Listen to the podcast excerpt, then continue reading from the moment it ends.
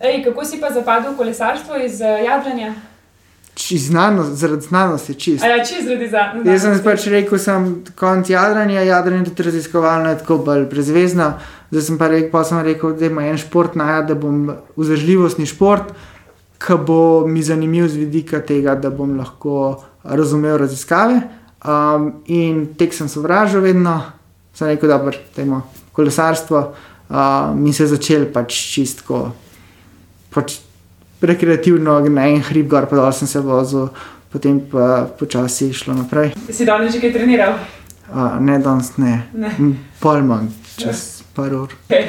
Um, na spletni strani kineziolog.si sem zasledila, da si pred zaključkom lanskega leta začel z nekim projektom športnim, v katerem si ti v bistvu glaven akter. Lahko kaj več poveš o tem? Ja, siguren. Um, nekako sem kineziolog po osnovni izobrazbi. Pa zdaj se zadnjem času ukvarjam z športno prehrano. Um, in dobil sem idejo, da bi mogoče pa naredil nek uh, projekt, katerem bi, v katerem bi pokazal ljudem, kaj se pravzaprav um, da narediti, če se stvari ali pa ne, treninga lotiš na nek znanstven uh, način. Se pravi, imaš vem, prehranskega svetovalca, imaš trenerja, um, imaš vem, podporo okoljskega fiziologa in tako naprej. In ker sem bil pač v Birminghamu, kjer sem imel dostop do laboratorija in vseh merilnih naprav, sem rekel, no, da imamo narediti en tak projekt, pa vidimo, do kam lahko pridemo. Um, cilj je bil udeležba na enem izmed, kolesar, en izmed kolesarskih prireditev, Grand Fondo Stelvio Santini. In pač malce smešno se skupaj je bilo v tem, da a, je bil vse trening narejen na trenažerju, izključno v laboratoriju. Um, na univerzi sem šli tako na roke, da sem lahko svoje kolo enostavno a, parkiral v laboratoriju. Zjutraj sem treniral, potem delal raziskave ali pa v obratnem vrstnem redu.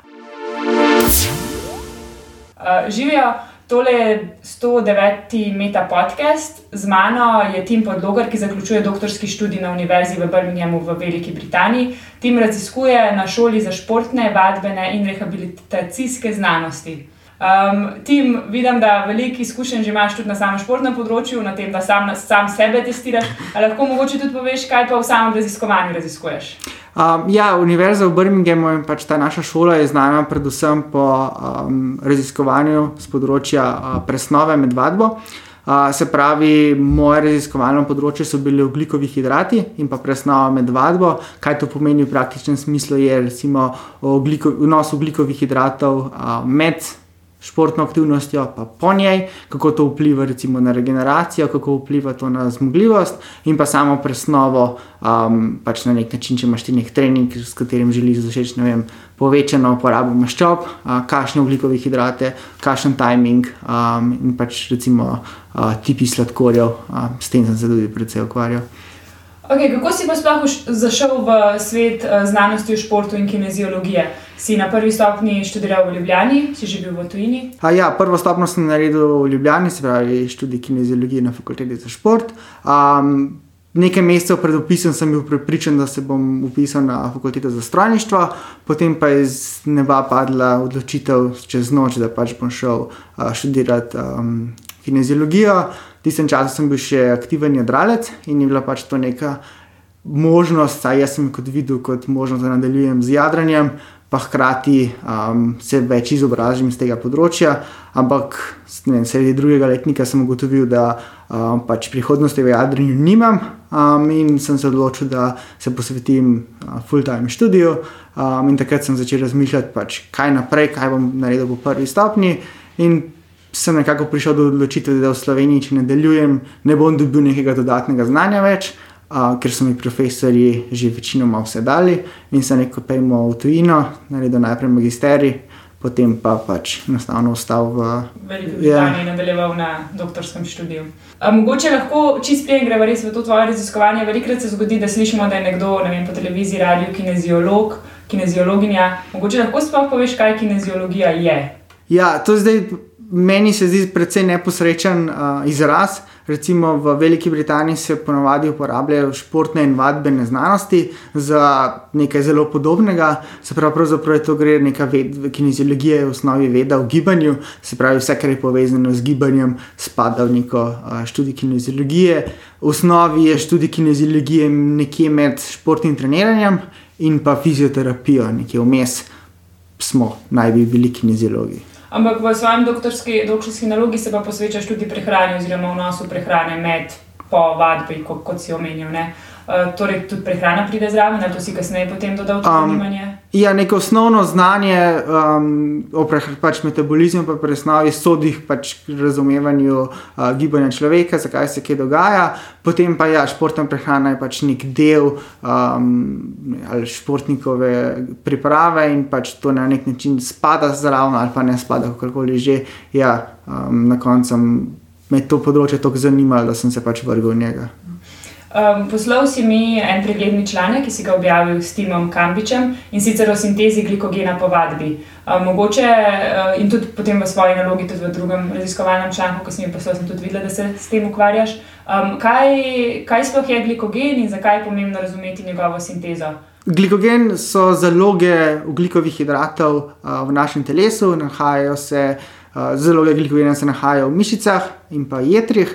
Um, pač to si za rezervoar, po eni strani glukoze, če si tako predstavljamo. Spravi, glukoza je nujno potrebna za delovanje recimo možganov, a, pa tudi med telesno aktivnostjo so ugljikovi hidrati najbolj pomemben vir energije. In zaloge glikogena v telesu so močno omejene, recimo z vidika športnika. Um, lahko praznemo te zaloge skoraj do popolnosti v kakšni uri, uri in pol, do dveh urah. Se pravi, kolesarske prireditve, recimo, pa vsi vemo, trajajo tam 3, 4, 5 ur. To pomeni, da po vadbi so zaloge izpraznjene in zdaj treba pač te zaloge kar se da hitro napolniti. Predvsej raziskovalnega dela je bilo usmerjeno v to, kako te zaloge čim prej zapolniti.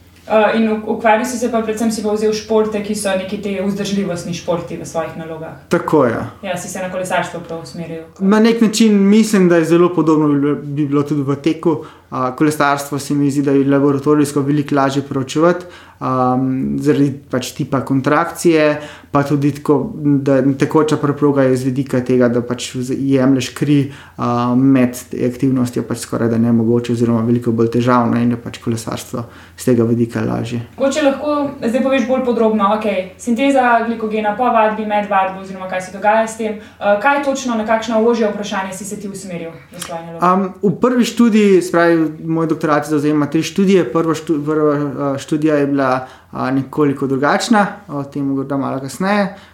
Druga študija se je ukvarjala z vprašanjem, ali različni tipi sladkorjev, oziroma v tem primeru je bila glukoza in pa fruktoza, pospešita, izboljšata regeneracijo mišične zmogljivosti po vadbi, ki izprazne zaloge glikogena. Ideja je, da osnovna pač ideja je bila, da dodatek fruktoze, ki je drugačen tip sladkorja, um, fruktoza mora najprej iti v jedra, potem se mora v jedrih pretvoriti v glukozo in šele potem lahko gre pač v mišice. In prejšnje raziskave, ki so dejansko merile to um, koncentracijo glikogena po različnih, um, po različnih po vnosu različnih uh, tipov sladkorja, recimo glukoza. V primerjavi z glukozom in fruktozo so ugotovili, da mišice se enako efektivno zapolnjujejo s glikogenom, medtem ko se jedra bolj efektivno zapolnijo, če kombiniraš glukozo in pa fruktozo. No, in um, mi smo naredili pred, pred, um, že prej eno študijo, v kateri smo ugotovili, da enostavno, če športnik, um, tekač, teče do utrujenosti, potem ko je um, zaužil ali glukozo ali pa glukozo in fruktozo, da je čas do utrujenosti veliko daljši s kombinacijo fruktoze in glukoze. Posebej zato, ker so pač jedra imele na voljo več um, sladkorja in je enostavno ta aktivnost lahko trajala dlje časa. No, v tem drugem, v tem mojem projektu smo pa poskušali um, nekoliko spremeniti protokol uh, in sicer smo uporabljali kolesarje. In pa nismo uporabljali čez 13, namreč čez 13 pomeni pač neka standardna intenzivnost, koliko časa pač zmoriš, ampak tekmovanje ne poteka na ta način. Tekmovanje potekajo, imaš dano razdaljo, zdaj pa ti preteči v kar najkrajšem možnem času. In smo poskušali to na isto stvar narediti um, na um, kolesu, in smo gotovili, da pač nismo zaznali nobenih razlik, se pravi, fruktoza se ni izkazala kot bolj efektivno um, sredstvo za čas regeneracije. Um, pa jaz si predstavljam, da ti teh raziskav, um, kot si povedal, ti si v bistvu hotel čim bolj uh, primerljivo situacijo, neki tekmi, narediti v laboratorijskih pogojih. Seveda, teh raziskav verjetno ne izvaža nekih profesionalnih športnikov, ne? to so rekreativni ali. Prav to je velik problem, ki ga vidim recimo v, v britanski znanosti. Um, na nek način dostopa do vrhunskih športnikov praktično nimamo.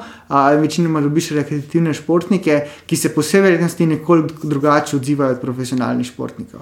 Um, recimo občudovanje vredno so raziskave Nor Norvežanov, um, pa ostalih skandinavcev, uh, ki so v svoje študije privabili vrhunske športnike, se pravi, dejansko športnike, ki jih gledamo lahko um, vsakodnevno po televiziji in dejansko tiste študije potem uh, včasih odgovorijo na vprašanja. Um, O tem, pač, kako podobni so vrhunski športniki z manj vrhunskimi, ponovadi neke velike razlike ni, um, lahko pa pač ja, v določenih mm. primerih pa tudi so. Ampak verjetno je vrhunskim športnikom tudi teže, ker na nek način ne morejo toliko izpostaviti. Ne vem, um, ponavadi, ko delate raziskave, imate verjetno neko skupino, ki vas zanima, pa, skupi, pa, pa še neko drugo skupino, ki je neka kontrolna skupina, ki recimo ni, ni podvržena nekemu tretmaju. Uh, verjetno pri vrhunskih športnikih je potem to malce težje, če bi nekatera na nek način lahko omejil zaradi tega, oziroma nekaterim dal veliko večjo prednost. A, pa to dejansko delajo Norvežani, večkrat so naredijo to. Ja. Um, namreč ponovadi se postavi hipoteza, da se uporabi standarden način treniranja, se pravi tisti, ki ga bi tako uporabljali, ali pa tisti nek nov način, nepreverjen način, za katerega obstaja um, hipoteza ali pa neke raziskave, podlagi, na podlagi katerih se sklepa, da pač bi lahko bil boljši, mm -hmm. pa oni potem to testirajo. Okay. Um, tako da na nek način nimaš nekega slabšega pogoja. Um, torej, omenil si, razložil si drugo študijo. Kaj pa si v tretji raziskavi preučeval? Uh, v tretji raziskavi smo. Um, na nek način, naredili še korak dlje. In sicer, če so se do zdaj pogovarjali, predvsem o dveh sladkorjih, spravi glukozi in fruktozi, um, zelo malega, malo je znanega o galaktozi. Um, recimo, tudi če prejš učbenik o prehrani na splošno, ponovadi se veliko govori o glukozi in fruktozi, spravi fruktoza, um, sladkor prisoten v sadju. Uh, Medtem ko galaktozi, pač sladkor prisoten v mleku, se praktično o njem ne govori, ker enostavno se veliko ne ve. Um, in ta zadnja študija je preučevala, kako učinkovita je galaktoza za samo sintezo um, mišičnega glikogena. Se pravi, smo dejansko naredili um, vadbeno enoto, v kateri smo izpraznili zaloge glikogena.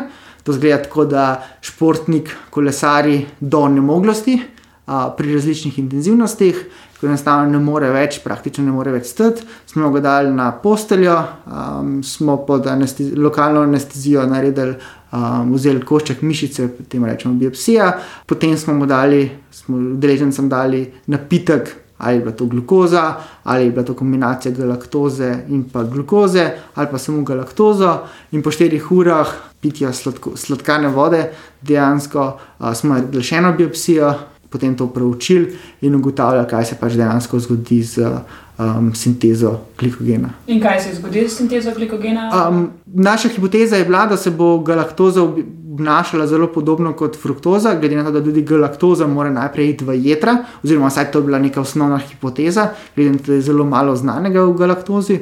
Um, ampak se praktično odzivala popolnoma drugače kot fruktoza. Namreč glukoza je bila veliko boljši vir za sintezo mišičnega glikogena. Uh, kar je bilo nam zanimivo, je bilo to, da je bila sama galaktoza, ko si dobil v izolaciji, um, popolnoma enako efektivna kot kombinacija glukoze in galaktoze. Uh, kar je še bolj potem zanimivo, so sami mehanizmi, namreč galaktoza ni dvignila krvnega sladkorja, ni dvignila inzulina, se pravi, brez stimulacije inzulina, ki inzulin pa naj bi bil pač na nek način ključ, da sploh um, sladkor vstopi v uh, celice. Uh, brez tega dviga smo dejansko dosegli relativno visoko uh, količino, um, oziroma zapolnitev mišičnega glikogena. Um, jaz bi še eno stvar izpostavila, ki se mi je zdela kar zanimiva, pri, predvsem pri tem preglednem članku, sem jo zasledila. Torej, ta glikogen, ne, oziroma ko dodajaš kakšne koli oglikove hidrate, na nek način lahko jih dodajaš premalo, oziroma priješ do neke optimalne, potem ko jih pa dodajaš več, se pa to. Se pa, eh, če se raven glikogena več ne dviguje, ne? kako Tako je, je ja. v bistvu poravna. Um, ja, nekako do 1,2 grama na kilogram telesne mase na uro um, se glikogen zapolnjuje, potem pa pač, ko greš nad to številko, uh, enostavno ne dobiš večje sinteze. Zdaj, raz, razloga za to sta najbrž dva. Prvi, težko pa je ugotoviti, pač dejansko, kje ima večjo vlogo. Prvi je siguren, da postaja omejitev absorpcije, se pravi, da pride iz prebavil dejansko sladkor v kri. Um, med telesno aktivnostjo je ta um, omejitev nekje pri 60 gramih za glukozo, ko govorim, uh, govorimo, če dodamo še fruktozo, dobimo še nekoliko več.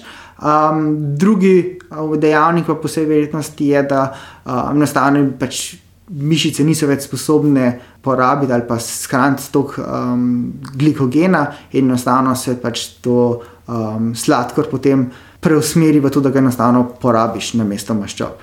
Um, ok, še prvo raziskavo nismo pokrili, lahko še kaj o tem poveš. Ja, prva raziskava je na nek način bila neka slepa ulica, konc na nek način, čeprav odpira različne zanimive vprašanja, ki bodo zahtevali dodatne odgovore. A, ukvarjala pa se je s periodizacijo vnosa ugljikovih hidratov.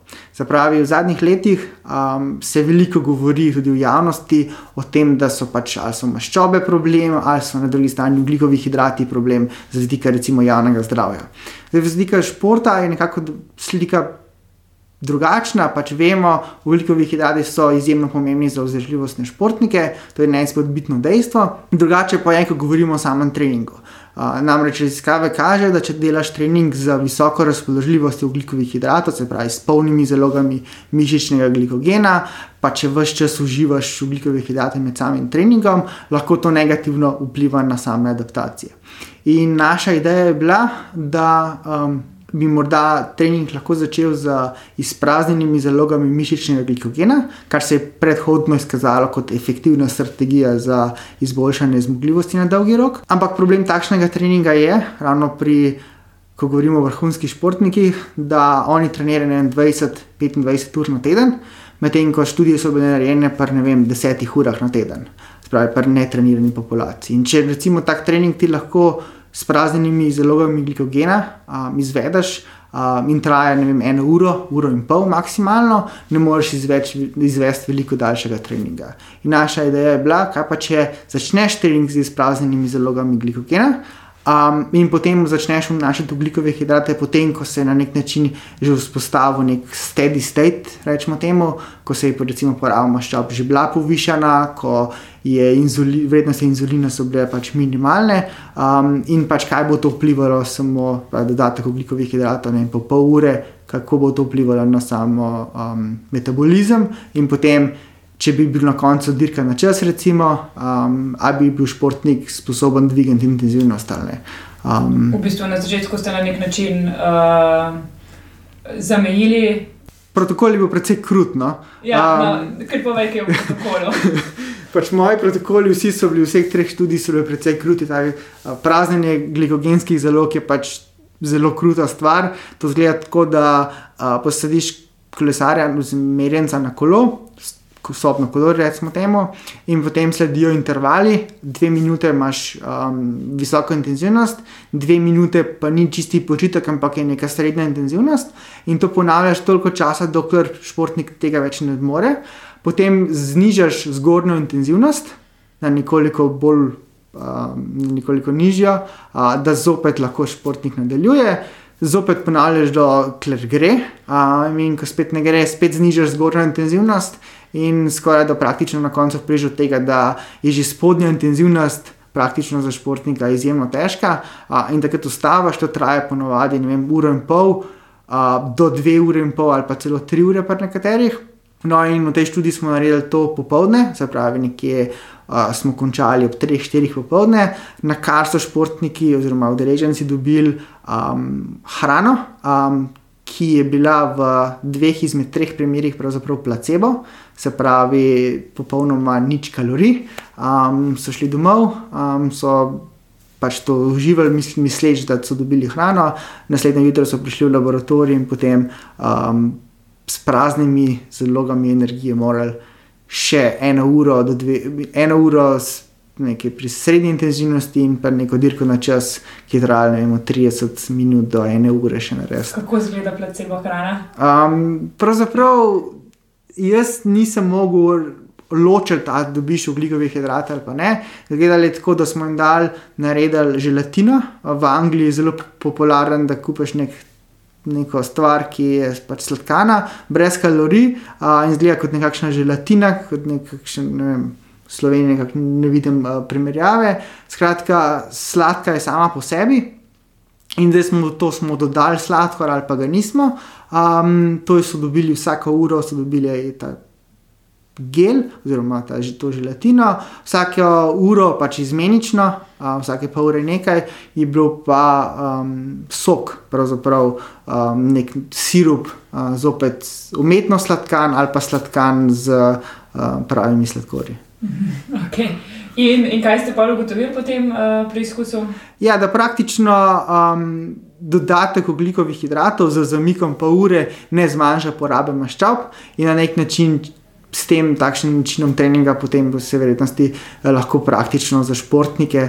Um, Ko je enkrat steady state dosežen, spravi poraba maščob je visoka, dodatek oglikovih hidratov ne bo zmanjšal porabo maščob, po drugi strani pa smo zanimivo ugotovili, oziroma kako bi bilo pač a, predvideti, um, da se koncentracija glukoze ne začne padati. A, se pravi, da športniki ne postanejo hipoglikemični, ko enkrat postaneš hipoglikemičen, vsekakor nastopi utrujenost, preleslej in do tega pač ne pride, če uživaš ugljikove hidrate. Um, evo, še eno vprašanje imam. Uh, koliko si imel ti, koliko ljudi si nabral za te, za te um, kar težke protokole, bom rekla? Um, za prvo študijo je bilo deset, to se pravi, da je vsak mogel priti v laboratorij štirikrat, enkrat smo imeli. Um, familiarization trial, se pravi, da so pač videli, kako se protokol izgleda, pa trikrat so potem izvedeli um, tri različne pač pogoje. Um, v drugih dveh študijah, v drugih je bilo osem, um, zopet smo zelo imeli težave, kako sploh ljudi dobiti. In v zadnji, ko so bili biopsije, smo jih dobili devet, ampak smo jih dejansko tudi kar bogato plačali 300 funtov. Um, tako da smo pač na nek način. Ja, ja, ja. dobili. Ampak je še vedno to majhno število ljudi, če smo natančni. E, še eno vprašanje imam. Torej, um, raziskavo si delal na skupinah.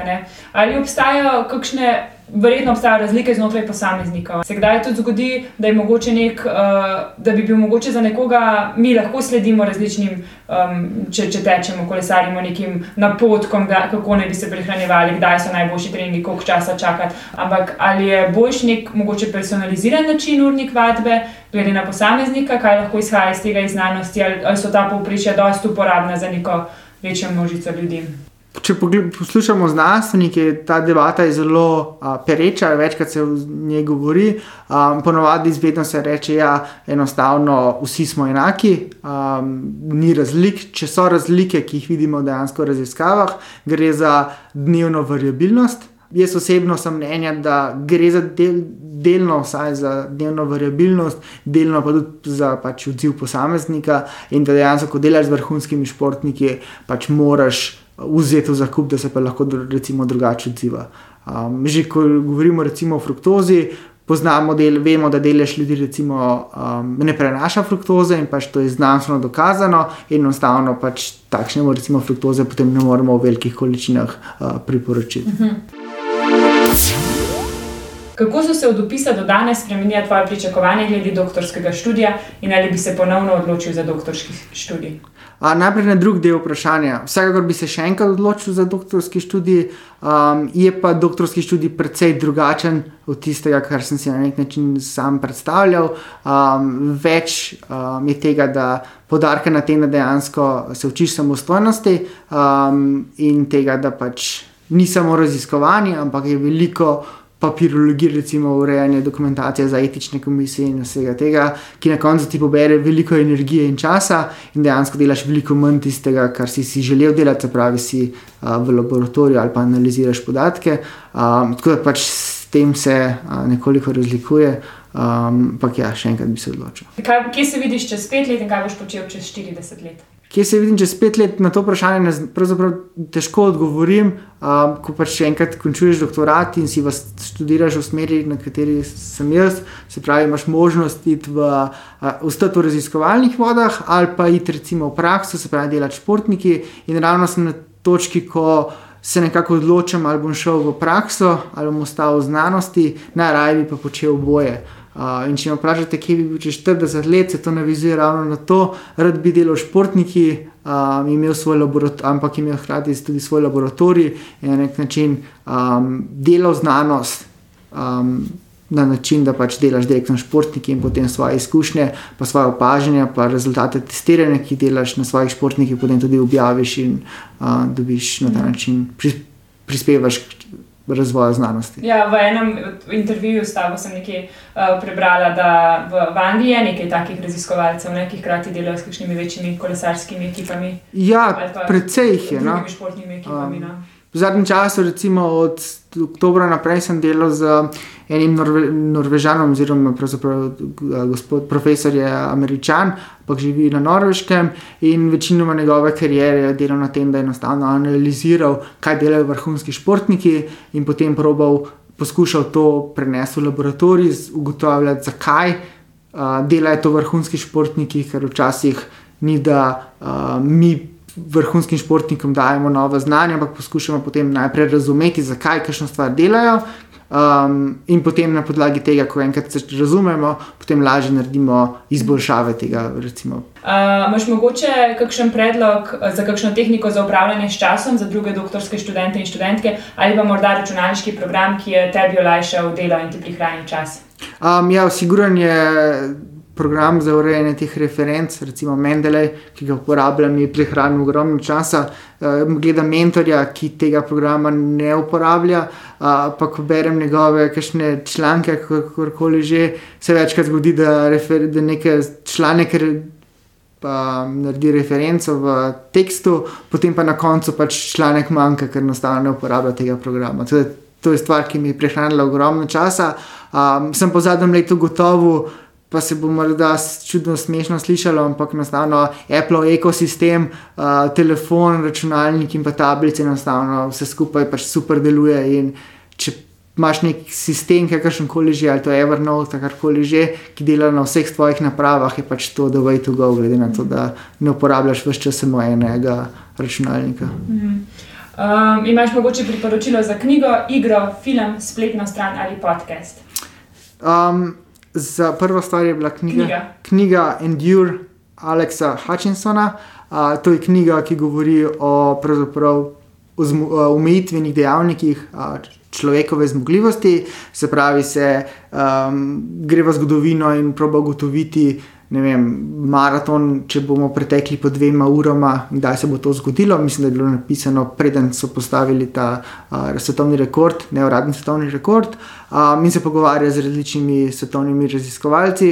Um, na nek način je to neka osnovna knjiga ali pa učbenik za fiziologijo, um, za nekega poljudnega človeka, za normalnega človeka in na nek način zelo lepo predstavi določene stvari. Um, to, kar se tiče knjige, še ena stvar je. Uh, igra, film, spletna stran, podcast. Igra, a vsekakor Zwift, to je računalniška igrica, ki jo uporabljam pri svojem treningu na kolesu. Se pravi, um, ti svoje kolo na nek način in trenažer povežeš s to igro in potem v virtualnem okolju lahko tekmuješ oziroma kolesariš z ostalimi ljudmi po celem svetu um, in dejansko treniraš. Narediš nekaj dobrega za telo, hkrati imaš pa recimo družbo ostalih ljudi vem, iz Avstralije, uh, kjerkoli že, tako da se mi zdi to super iznajdba, uh, pa še zanimivo je. Uh, kakšen film, spletna stran? Uh, film, dokumentarec Icarus, um, ki govori o dopinškem škandalu v Rusiji. Uh, na nek način začne se s tem, kako izboljšati zmogljivost nekemu kolesarju, podobno kot recimo moj projekt, ki sem ga imel um, s Telvijo.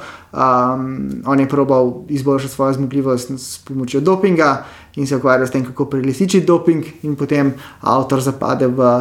Dopiški škandal pred um, Soči, olimpijskimi igrami, in um, ja, nastane zelo zanimiva zgodba. Film je na Netflixu. Ne? Tako je. Um, še kakšna spletna stran ali podcast? Um, spletna stran, pravzaprav ne vem, kaj bi rekel. Uh, za podcast pa se kakor s tem tok, ki govori pač o znanosti, na splošno veliko se hvaliti s uh, fiziologijo in je pač to uh, stvar, ki, več, ki jo večkrat poslušam. Koga od nam znanih ali ne znanih bi povabil na večerjo, če ne bi bilo nobenih omejitev? Um, Steva Pola Jobsa. Um, zaradi svojega, vem, name je že odnegdaj naredil velik um, imel ve veliko vpliv Apple naprave, uh, način razmišljanja, thinking out of the box. Um, in pač ja. Ja, hvala ti. Hvala za povabilo. Poslušali ste Meta podcast, v katerem se pogovarjamo z mladimi znanstveniki in znanstvenicami z različnih področji znanosti. Podcast domuje na spletišču metinalista.si, kjer najdete tudi druge zanimive znanstvene vsebine.